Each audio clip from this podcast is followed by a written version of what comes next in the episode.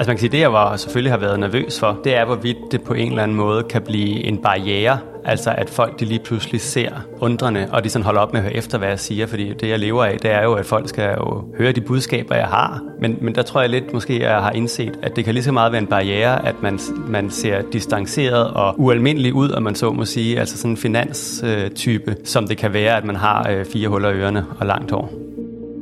Du lytter til Lederskabet, en mellemlederpodcast fra lederstof.dk. Mit navn er Palle Steffensen. Jeg er journalist og ledelsescoach og vært her på podcasten. I hvert afsnit får jeg besøg af en leder, der vil fortælle om de udfordringer, der følger med, når man skal lede både op og ned, og derfor tit bliver fanget i et krydspres. Til sidst i podcasten vil Michael Urenholdt, der er ledelsesrådgiver hos lederne, give hver enkelt gæst nogle konkrete råd, der kan være med til at gøre den pågældende leders arbejdsliv lidt nemmere. I dag skal du møde chefanalytiker i Totalkredit, Sune Malte Tagård, der meget radikalt både skiftede image og look, da han fik et nyt job. Og det var der flere grunde til. Sune Malte Tagård, chefanalytiker i Totalkredit. Du har lavet det, der hedder en ydre transformation, kan man kalde det. Kan du ikke prøve at fortælle om den? Jo, altså man kan sige, det kom så egentlig af, at jeg skiftede job fra Nationalbanken over i Totalkredit, og, øh, og efter jeg var i forbindelse med ansættelsen, så, øh, så kommer jeg ind. Man skal forestille sig, at der kommer sådan en øh, ja, vel relativt ung mand på, på nogle af 30, starten af 30'erne ind, øh, og i fuld meget velsiddende jakkesæt og med en mappe i hånden, og har set ud som, øh, som en trukket direkte ud af, af sådan en typisk finansverden. Og, og i den sammenhæng, der snakkede vi om, at øh, jamen, nu skulle jeg jo ligesom, øh, efter jeg været i Nationalbank, nu skulle jeg over og snakke til øh, boligejere og oversætte, hvad betyder det, der sker på de finansielle markeder, og gøre det forståeligt for, for boligejerne. Og så var det måske en fordel nogle gange at tage et par jeans og en, øh, og en skjorte på, i stedet for det her, den her, den her finans, øh, det her finanskostyme, kan du kalde det. Og hvad er det så, du gør helt konkret? Jamen, jeg Fordi har- du tager den jo lidt længere, kan man sige. Ja, men, men man kan sige, det var det, der var startskuddet. Det var ligesom sådan, okay, altså øh, det kunne måske egentlig være meget fint at prøve noget andet. Øh, man kunne starte med at fjerne slipset, men det var ikke helt mig. Så, øh, så begyndte øh, sådan med tiden også at gå i, øh, i blomstrede skjorter. Det er, sådan, det er noget, der er sket her på det seneste. Og i forbindelse med corona lod jeg håret gro, fordi der var jo en periode på, jeg tror det var omkring fem måneder, hvor man ikke kunne komme til øh, frisøren. Og så tænkte jeg sådan lidt, jeg har egentlig altid gerne vil have langt hår, så hvorfor ikke lade det gro videre, øh, nu hvor vi er kommet fem måneder hen. Og så på et tidspunkt ville jeg gerne have ørering i ørerne, og så tænkte jeg, hvorfor ikke det? Så det har, det har været noget, der er sket, sket løbende, kan man sige, over de sidste tre år.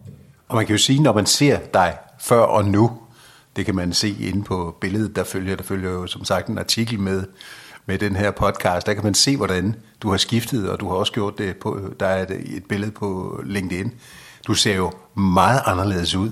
Hvordan, øh, hvor- hvordan blev det oplevet, den der transformation? Jamen det er klart, det er jo noget, kollegaer har lagt mærke til, men det er jo ikke, det er jo ikke noget, altså folk er jo bund og grund, når det kommer til stykket, ligeglade. Der kan godt falde en kæk kommentar øh, af og til fra nogle kollegaer, men, men i bund og grund, så, øh, så er folk faktisk øh, overraskende ligeglade. Man kan næsten blive helt skuffet over, så ligeglade øh, folk de er. Ja, fordi det var meget interessant. Du fortalte også øh, mig, inden vi begyndte at snakke sammen her, at du jo ikke, da du var kontormappedyr, øh, hvad hedder det, udklædning inde på, i Nationalbanken, det var jo ikke noget, det var jo noget, du påtog dig, den, det image. Kan man ikke sige det sådan? Jo, altså inden jeg startede Nationalbanken, der havde jeg sådan set aldrig... Øh, jeg, jeg købte et jakkesæt, fordi jeg vidste, at studietiden var ved at være slut, og jeg skulle til at til samtale, og så havde man jo jakkesæt på, når man er mand og skal have et job i øh, enten øh, et ministerium eller i, i, i den finansielle sektor. Det er i hvert fald, så kan man i hvert fald ikke gå galt i byen. Altså det er det sikre valg, og, øh, og så da jeg fik jobbet i Nationalbanken, så tænkte jeg, nu bliver jeg nødt til at vende mig til det her med at gå med slips og jakkesæt, så jeg ikke føler mig som en eller anden... Øh, en eller anden konfirmand i fars øh, jakkesæt, når jeg sidder inde hos, øh, hos Nationalbankdirektøren, eller er til møde i, øh, i europæiske, den europæiske centralbank. Øhm, så det var noget, jeg vendede mig til, og så til sidst, så, så følte jeg mig utrolig godt tilpas i det. Øh, og så har det i virkeligheden været en tilvænding nu, at vende mig af med det igen.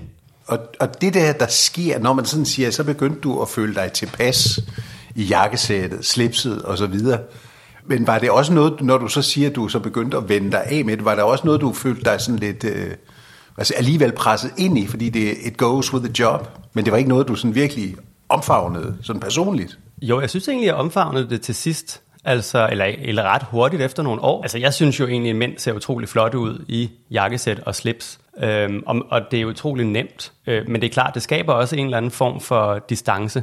Altså, når du går rundt i jakkesæt og slips, så påtager du dig sådan lidt et panser, hvor at nu er det professionelle, den professionelle del af dig, der er, der er i spil, øh, og du visker lidt noget af din personlighed øh, ud. Og det er ikke fordi, det har føltes som noget sådan stort øh, overgreb, eller hvad man skal kalde det, mod min person, vel? Men, men det er sådan lidt det, der sker. Øh, men det er også utroligt afslappende, fordi du kan bare tage, du tager bare din uniform på, og behøver egentlig ikke at tænke så meget over din påklædning øh, i det daglige. Og så siger du her i, i dit opslag på LinkedIn, hvor du fortæller om din transformation, mit indtryk var, at andre let så mig som et omvandrende Excel-ark, når jeg gik rundt med slips og vandkæmmet hår. Ja, men det er, altså det er også mit indtryk, at der er mange, der ser det, og hvis du går rundt, altså se, hvis du går rundt her i det københavnske bybillede for eksempel, eller for den skyld øh, i Skive, hvor jeg var forleden, der er jo ikke nogen, der går rundt i jakkesæt og slips, med mindre at de er på vej til begravelse, eller bryllup, eller nytårsaften, eller hvis man så arbejder i dele af erhvervslivet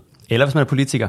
Altså, så der er sådan nogle helt særlige, øh, meget professionelle sammenhænge, og der er det virkelig meget rart sådan bare at give lidt slip på den, og så give lidt mere plads til sådan ens, øh, give ens, ens påklædning til eget personlige tilsnit. Du skriver her jeg også videre på din LinkedIn, og jeg er virkelig glad for at arbejde et sted, hvor jeg kunne udskifte mit jakkesæt og slips med noget tøj, jeg så rent faktisk kan lide at gå i, og at jeg kan lade håret grå og få fire huller i ørerne, uden det er et problem. Så der har vel sådan ligget sådan et latent ønske om at springe ud, i hvert fald på det ydre, ikke? Jo, altså man kan sige, det er i hvert fald rart, at når, jeg, når, nu, jeg, når nu jeg havde det behov, øh, når det behov opstod, øh, for, at jeg ligesom lod, lod de her, altså håret gro og få huller i ørerne, at det så ikke har været noget øh, problem. Og jeg også, altså man kan sige, det jeg var, selvfølgelig har været nervøs for, det er, hvorvidt det på en eller anden måde kan blive en barriere Altså at folk de lige pludselig ser undrende, og de sådan holder op med at høre efter, hvad jeg siger, fordi det jeg lever af, det er jo, at folk skal jo høre de budskaber, jeg har. Så det skal jo helst ikke være en barriere.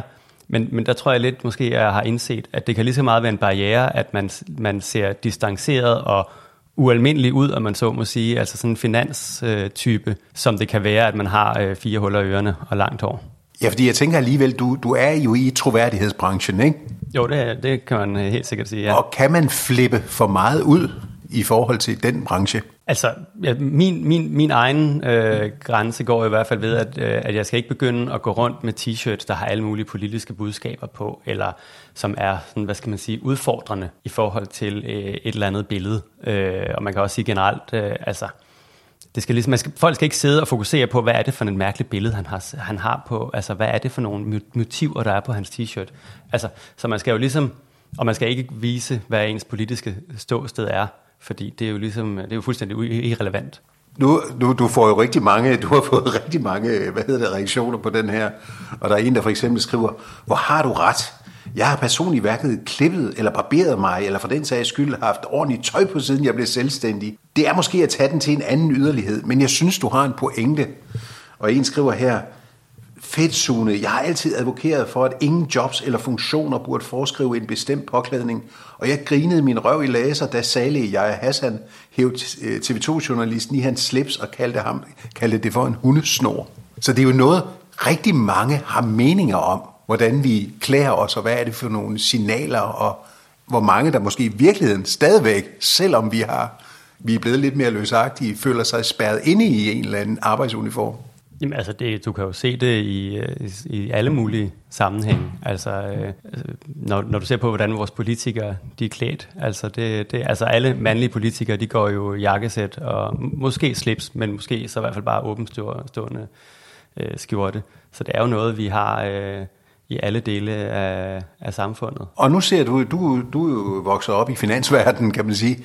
Hvorfor tror du, politikere stadigvæk har den der, det panser på? I hvert fald mange, eller nogle politikere stadigvæk, der er jo også trods alt lidt mere løsagtighed nogle steder. Jamen altså, når du i hvert fald ser på, øh, på, på sådan, hvordan øh, ministre i regeringen går klædt, så er det jo meget øh, uniformt, om man så må sige. Ikke? Og det er vel fordi, det, et jakkesæt, eventuelt med et slips, det udstråler øh, både øh, seriøsitet og magt. Og det, det er jo også noget, der sådan, man kan sige, det er noget, hvor man, man, kan, man kan ikke gå galt i byen.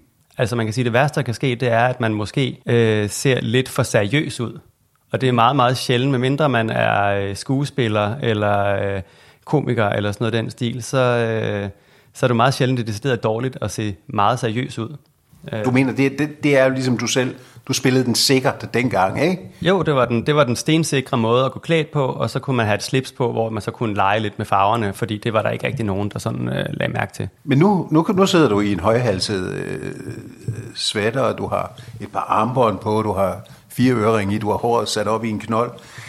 Hvor går din egen grænse nu? Har du selv sådan tænkt, når du lige sådan stod og gjorde dig klar om morgenen der, ah, det bliver sgu lige for meget det der. Har du selv sådan sat en ydre grænse for det? Jeg har ikke, jeg har ikke som sådan sat en, øh, en grænse på, på forhånd.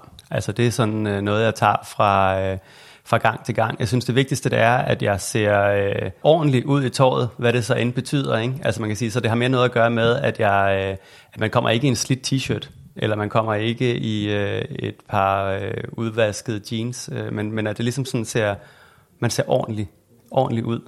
Og, det, og det er jo en meget, øh, det er jo en meget øh, hvad skal man sige, løs definition et eller andet ja. sted, for det kommer an på øh, øjet, der ser.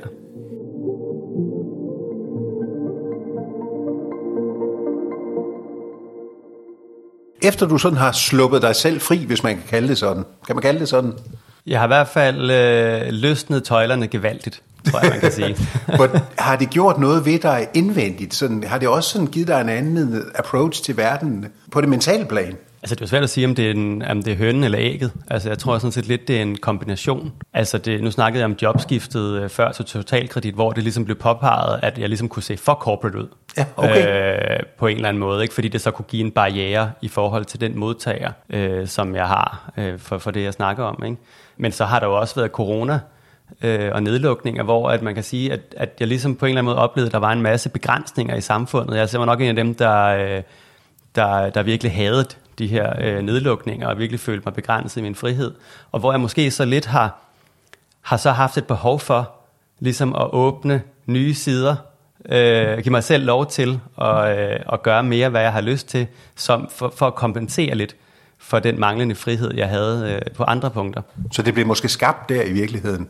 Det, det tror jeg, at man godt kan, kan sige. Altså helt sikkert, at, øh, at det, det gjorde, at jeg fik et behov for egentlig bare at sige sådan lidt, jamen jeg har, min mavefornemmelse siger mig det her, det har jeg egentlig lyst til. Nu prøver jeg. Kan man også sige, at der har været nogle tendenser i samfundet, fordi man kan vel dybest set sige, anything goes i dag, ikke?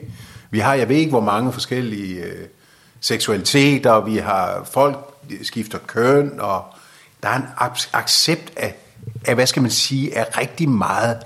Kan man også sige, du, du rider på sådan en bølge af accept af, af hvad skal man sige, hinandens forskellighed? Altså det er jo klart, at øh, fordi det fylder, det fylder så meget, det er jo også noget, der, øh, der fylder øh, hos virksomheder, der udvikler jo øh, øh, mangfoldighedspolitikker og sådan noget i den stil. Og det er klart, den del gør det jo nemmere øh, ligesom at sige, jamen så, så, så kan jeg jo selvfølgelig sagtens gå i noget andet tøj, fordi altså, herregud, det er jo altså i virkeligheden ikke særlig epokegørende, at jeg bare ser ud som, øh, hvis du går ud på gaden her i København i hvert fald, ikke? altså der er masser, der øh, ser ud, som jeg ser ud lige nu. Så, så, så vildere er det jo heller ikke, men det er klart, i forhold til, hvordan man ser ud i den finansielle sektor, så, ser den, så, så, bryder det, så bryder det lidt med det. Men det er jo sådan en, det er jo bare en, en, en, en lille del af samfundet. Er der nogen, der har sagt, de reaktioner, du har fået, er der nogen, der har sagt til dig, at for fanden, jeg vil også gerne, men jeg, jeg, jeg, altså, som har måske haft lidt svært ved at komme over den barriere, og faktisk vise sig som dem, de måske i virkeligheden er?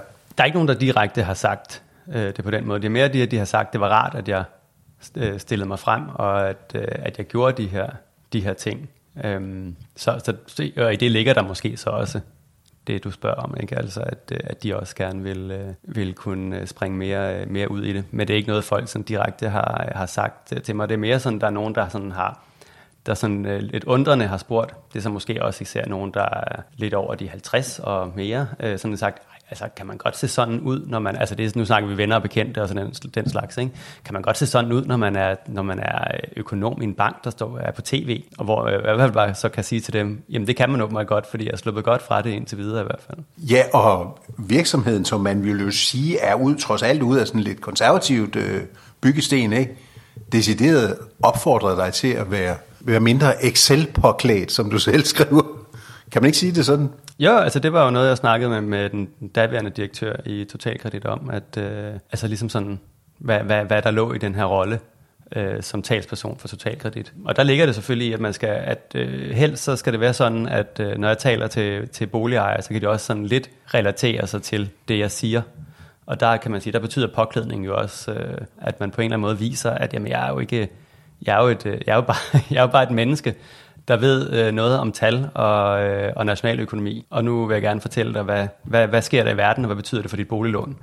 Øh, og hvorfor kan man ikke øh, se ud sådan øh, ikke finansagtig, når man, når man gør det, ikke? Nu så jeg øh, Mærsk-ledelsen, da de fremlagde øh, et regnskab her for en måneds tid siden, hvor de jo alle sammen stod i hvide skjorter, men åbenstående skjorter, som jo er sådan en ny Mærsk, øh, hvad hedder det, i hvert fald bølge. Og jeg interviewede faktisk en til podcasten her, hvor, øh, hvad hedder det, hun, hun havde godt nok pænt tøj på. Så sagde jeg, er I stadigvæk sådan, at I skal være sådan lidt, fordi hun havde sådan en spacerdragt på, er I stadigvæk sådan, at I skal være lidt mærskagtige klædt på? Så siger hun, nej, nej, det er kun fordi, jeg skal mødes med nogle udlændinge i dag, at jeg har det på.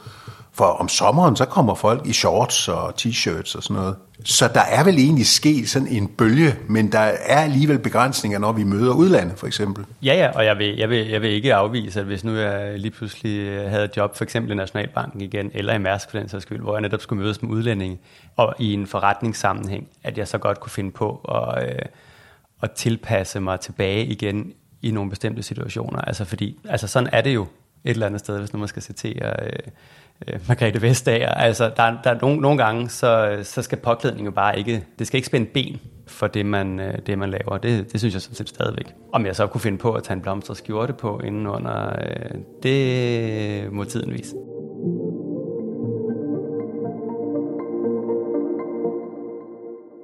Sune Malte Tagård, jeg vil godt vende tilbage til det der med at tage den beslutning om at skifte stil. Fordi den, man kan vel sige, den bunder jo også lidt dybere, ikke? Jo, altså man kan sige, en af de ting, som, øh, som har fyldt hos mig, både privat, men også i arbejdssammenhæng, det har jo været sådan, at, øh, at jeg ikke vil, at jeg nogle gange måske har gået klædt i noget tøj, som der var sådan lidt mere øh, neutralt, fordi jeg ikke... Øh, ikke ville have, at det var for tydeligt, at jeg var homoseksuel. Og man kan sige, hvis, man går til, hvis jeg går tilbage og ser på, øh, jeg har egentlig altid været glad for farver, i hvert fald hvis man går tilbage og ser på nogle skolebilleder fra børnehaveklassen, første, anden, tredje, jamen så har jeg sådan set den samme bluse på, som er øh, lyserød og med cykelmyggen Egon på. Og det viser mig jo lidt, at det var åbenbart en, øh, en bluse, jeg var rigtig, rigtig glad for, fordi den har på hver evig eneste gang, at der skulle tage til billedet. Ikke? Og så øh, efterhånden, som jeg ligesom blev ældre, så fandt jeg ud af, at det var ligesom ikke comme il faut, at man som dreng i hvert fald i, på Midtjylland i 90'erne gik øh, klædt i lyserød, og så øh, ændrede jeg ligesom øh, over i sådan, de mere sådan, typisk øh, drengede farver. Du tilpassede dig? Ja, ja, jeg tilpassede mig. Øh, og det har jo så noget, der så har holdt ved. Så dengang jeg sprang ud som homoseksuel, lige omkring jeg var 20, så gav jeg mig lidt mere lov til at, at tage det tøj på, hvor man ligesom kan mærke i maven, åh, oh, det der vil jeg gerne have. Det gjorde jeg så lidt mere, men hvor man kan sige, på arbejde, der har jeg måske altid været sådan lidt mere neutral, altså også hvis jeg for eksempel sad til en forretningsmiddag, hvor folk de øh, sad og snakkede om, øh, om deres privatliv, om deres hustruer og øh, ægtefæller og børn og sådan noget i den stil, så omtalte jeg altid min øh, ja, daværende kæreste som en mand, øh, kønsneutralt. Fordi jeg ville ikke have, at det ligesom kunne støde nogen på manchetterne, at øh, jeg sad der måske med nogen fra alle mulige dele af landet, det kunne være Colum eller af verden, det kunne være Colombia, det kunne være USA, det kunne være Indien. Og det skulle ligesom ikke være mig, der var uprofessionel og sådan gav, lavede problemer. Og det er jo et eller andet sted sådan det samme, der så nu, hvor jeg så har gået over i noget tøj, der sådan øh, afspejler, er lidt mere afslappet på arbejde, at så, så var der der gange, hvor jeg sådan tænkte, kan jeg tage det der tøj på, eller ser jeg for bøsset ud? Men hvor jeg tror lidt, jeg er kommet frem til, at øh, jamen, det kan godt være, at der er nogen, der synes det, men der er måske også nogen, der bare synes, at øh, det er forfriskende, at jeg ser sådan noget. Så man kan faktisk sige, at jo selv efter du var sprunget ud, og du havde haft en barndom eller ungdom, hvor du ligesom tilpassede dig, så fortsatte du faktisk ubevidst eller bevidst med at, at tilpasse dig? Ja, i hvert fald især øh, arbejdsmæssigt, men også i forhold til øh, ja, tøj generelt, men, men mest arbejdsmæssigt.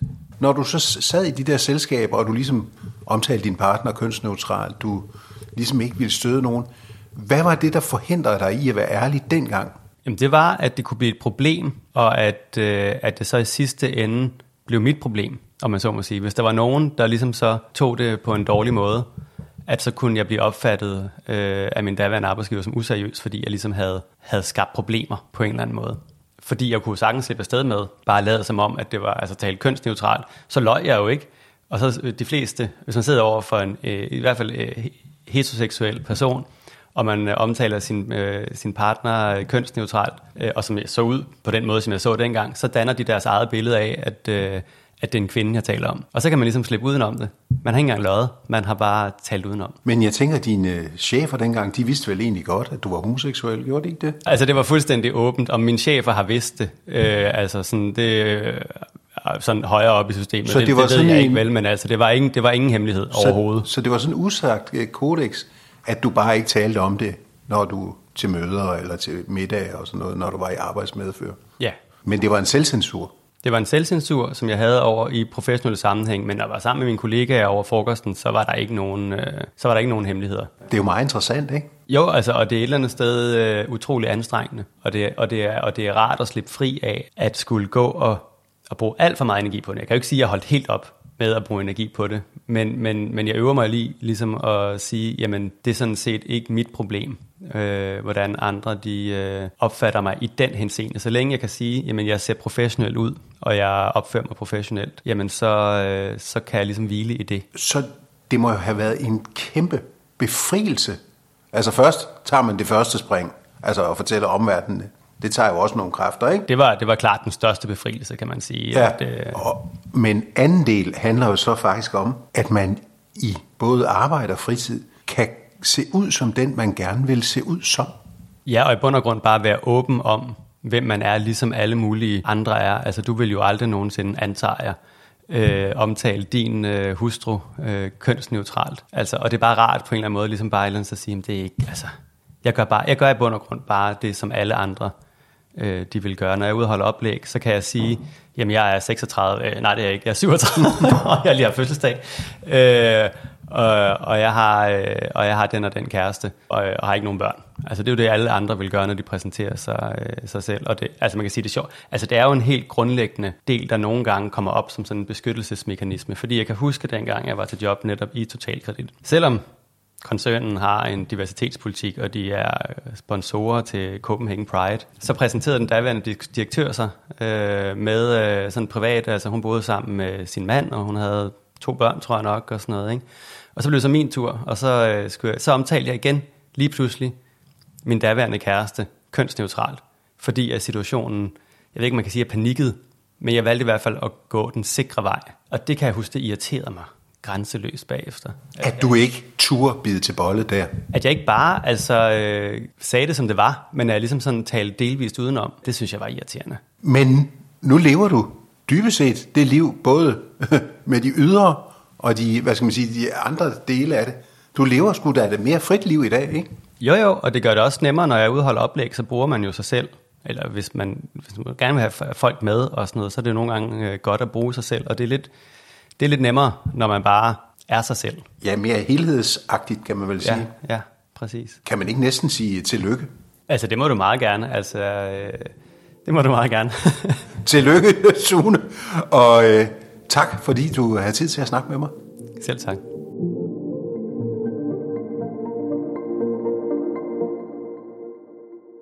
Michael Urenholdt, ledelsesrådgiver hos lederne. Nu har du siddet og hørt uh, Sunes historie. Hvad, hvad tænker du, når du hører ham? Jamen det første, jeg tænker, det er, at det er dejligt befriende. Han er en modig ung mand, og når jeg siger modig, så har han jo brudt med de her normer og forventninger, der er inden for den branche, hvor han nu agerer. Han har brudt med nogle af de der kulturelle normer, der er, øh, ved at anlægge langt hår og ørering og springe ud af skabet og alt det her og gøre ting på en anden måde. Og jeg tror ikke, han er den første, vi ser, der gør sådan. Jeg tænker, når jeg også hører hans historie, at der er rigtig mange rundt omkring på arbejdspladserne, der måske stadig er bange for at vise, hvem de i virkeligheden er. Jamen, det tror jeg, du har ret i. Og så, jeg tror også, vi er underlagt de her normer i samfundet, fordi han, han refererer også meget ind fra hans egen branche, at, at der er det, det habit og slips og, og så videre.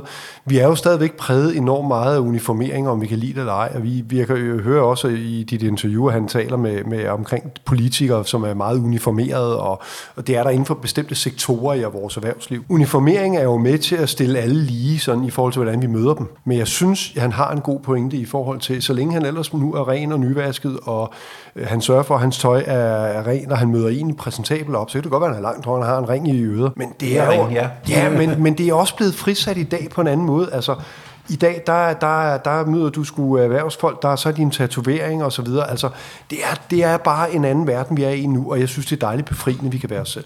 Sune fortæller for eksempel om sådan en middag, dengang han så var ansat det andet sted, at han ligesom snakkede med på sådan en familienorm snak, og ligesom skjulte, at han mm. var homoseksuel. Ja. Hvad tænker du, når du hører det? Jamen, det, jeg, jeg, jeg har jo selv kendt en, der har, der, der har gjort det samme i de kredse, hvor han nu følte, han havde behov for det. Jeg tænker om det, at, at det er jo fordi, han ikke har, har hvilet i sig selv og den, han er på det tidspunkt. Men det kræver også en modenhed og turde stå ved det og melde det offentligt ud, fordi det, man måske er bange for, det er jo omgivelsernes reaktioner. Hvordan vil folk så egentlig reagere på det her? Men det er jo det fede ved den her fortælling. Det er jo faktisk, at han har kun fået positive tilkendegivelser.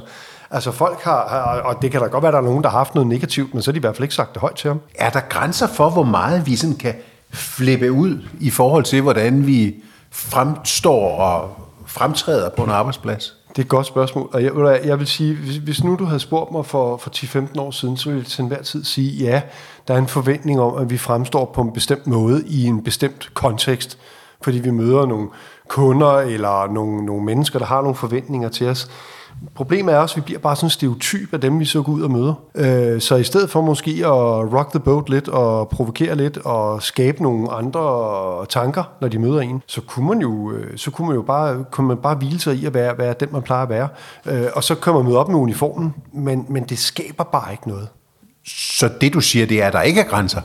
Der er jo grænser. Altså, når jeg møder folk rundt omkring, og jeg kigger i vores egen organisation, jeg kan da se i alle de år, jeg har været i lederne, altså, uniformering har, har rykket sig helt vildt hos os. Hvordan? Jamen, fra på et tidspunkt, mænd måtte der ikke, i hvert fald ikke have shorts på om sommeren. Altså, puha. Øh, så måtte vi lige pludselig gerne så længe vi havde pæne sko på, og en skjorte, og ned i bukserne og alt det her, og så må vi gerne have shorts på, og så længe det var nogenlunde pænt. Mm. Øh, og den der norm, der ligesom er for påklædning, den har også rykket sig hele tiden. Og det gør den hos os, og det gør den rigtig mange steder. Og der er, der er jo virksomheder, hvor man er ligeglad, altså hvor det ikke betyder noget. Jeg, jeg har mødt øh, iværksættere, som, som sidder for sig selv og har sin egen virksomhed og siger, der er sgu ikke nogen, der skal diktere, hvordan jeg skal gå klædt. Og de ligner jo næsten en vildmand, der lige er trådt ud af, af skoven. Ikke? Det, det, der, det er da dejligt befriende. Det er deres stil. Så til trods for, at vi er kommet længere, så, øh, så kan man sige, at så Maltes historie fortæller jo alligevel, at der stadigvæk, det stadigvæk kræver noget mod at komme ud af skabet, både på den ene og på den anden måde. 100 procent, og det er derfor, altså det jeg godt kan lide ved det her, det er jo, at han har jo været tro over for hans eget, altså hans eget jeg og hans integritet, har holdt fast i ved egentlig at ture melde det ud og være tydelig, og han har gjort nogle ting, men han har også gjort det på en lempelig måde, som jeg, som jeg hører fortællingen. Han startede med at lade håret vokse, ikke? og så er der gået lidt tid, så, så har han fået en ørering til, og så har han lige pludselig været tydelig omkring, at han måske ikke øh, har, er i et klassisk parforhold osv., så, videre. så man kan sige, han, han har jo trådt ud af det sådan stepwise, så folk har nok også kunne kapere det. Hvis nu han var mødt fra fem ugers ferie, og så havde lavet en transformation på fem uger, så kan det godt være, at folk bare har sagt, ho, ho, stop, det er for meget, det kan jeg ikke kapere. Tak skal du have, Michael. Vi håber, du er blevet inspireret af vores podcast, og husk, at vi har skrevet en artikel om Sune Malte Tagårds udfordringer og Michael Urenholds konkrete råd på lederstof.dk, hvor du også kan finde en masse andre artikler og podcasts, som klæder dig på med ny viden, konkrete værktøjer og perspektiver for andre ledere på alle niveauer. Lederstof.dk udgives af lederne, som er Danmarks største interessefællesskab for ledere med omkring 130.000 medlemmer.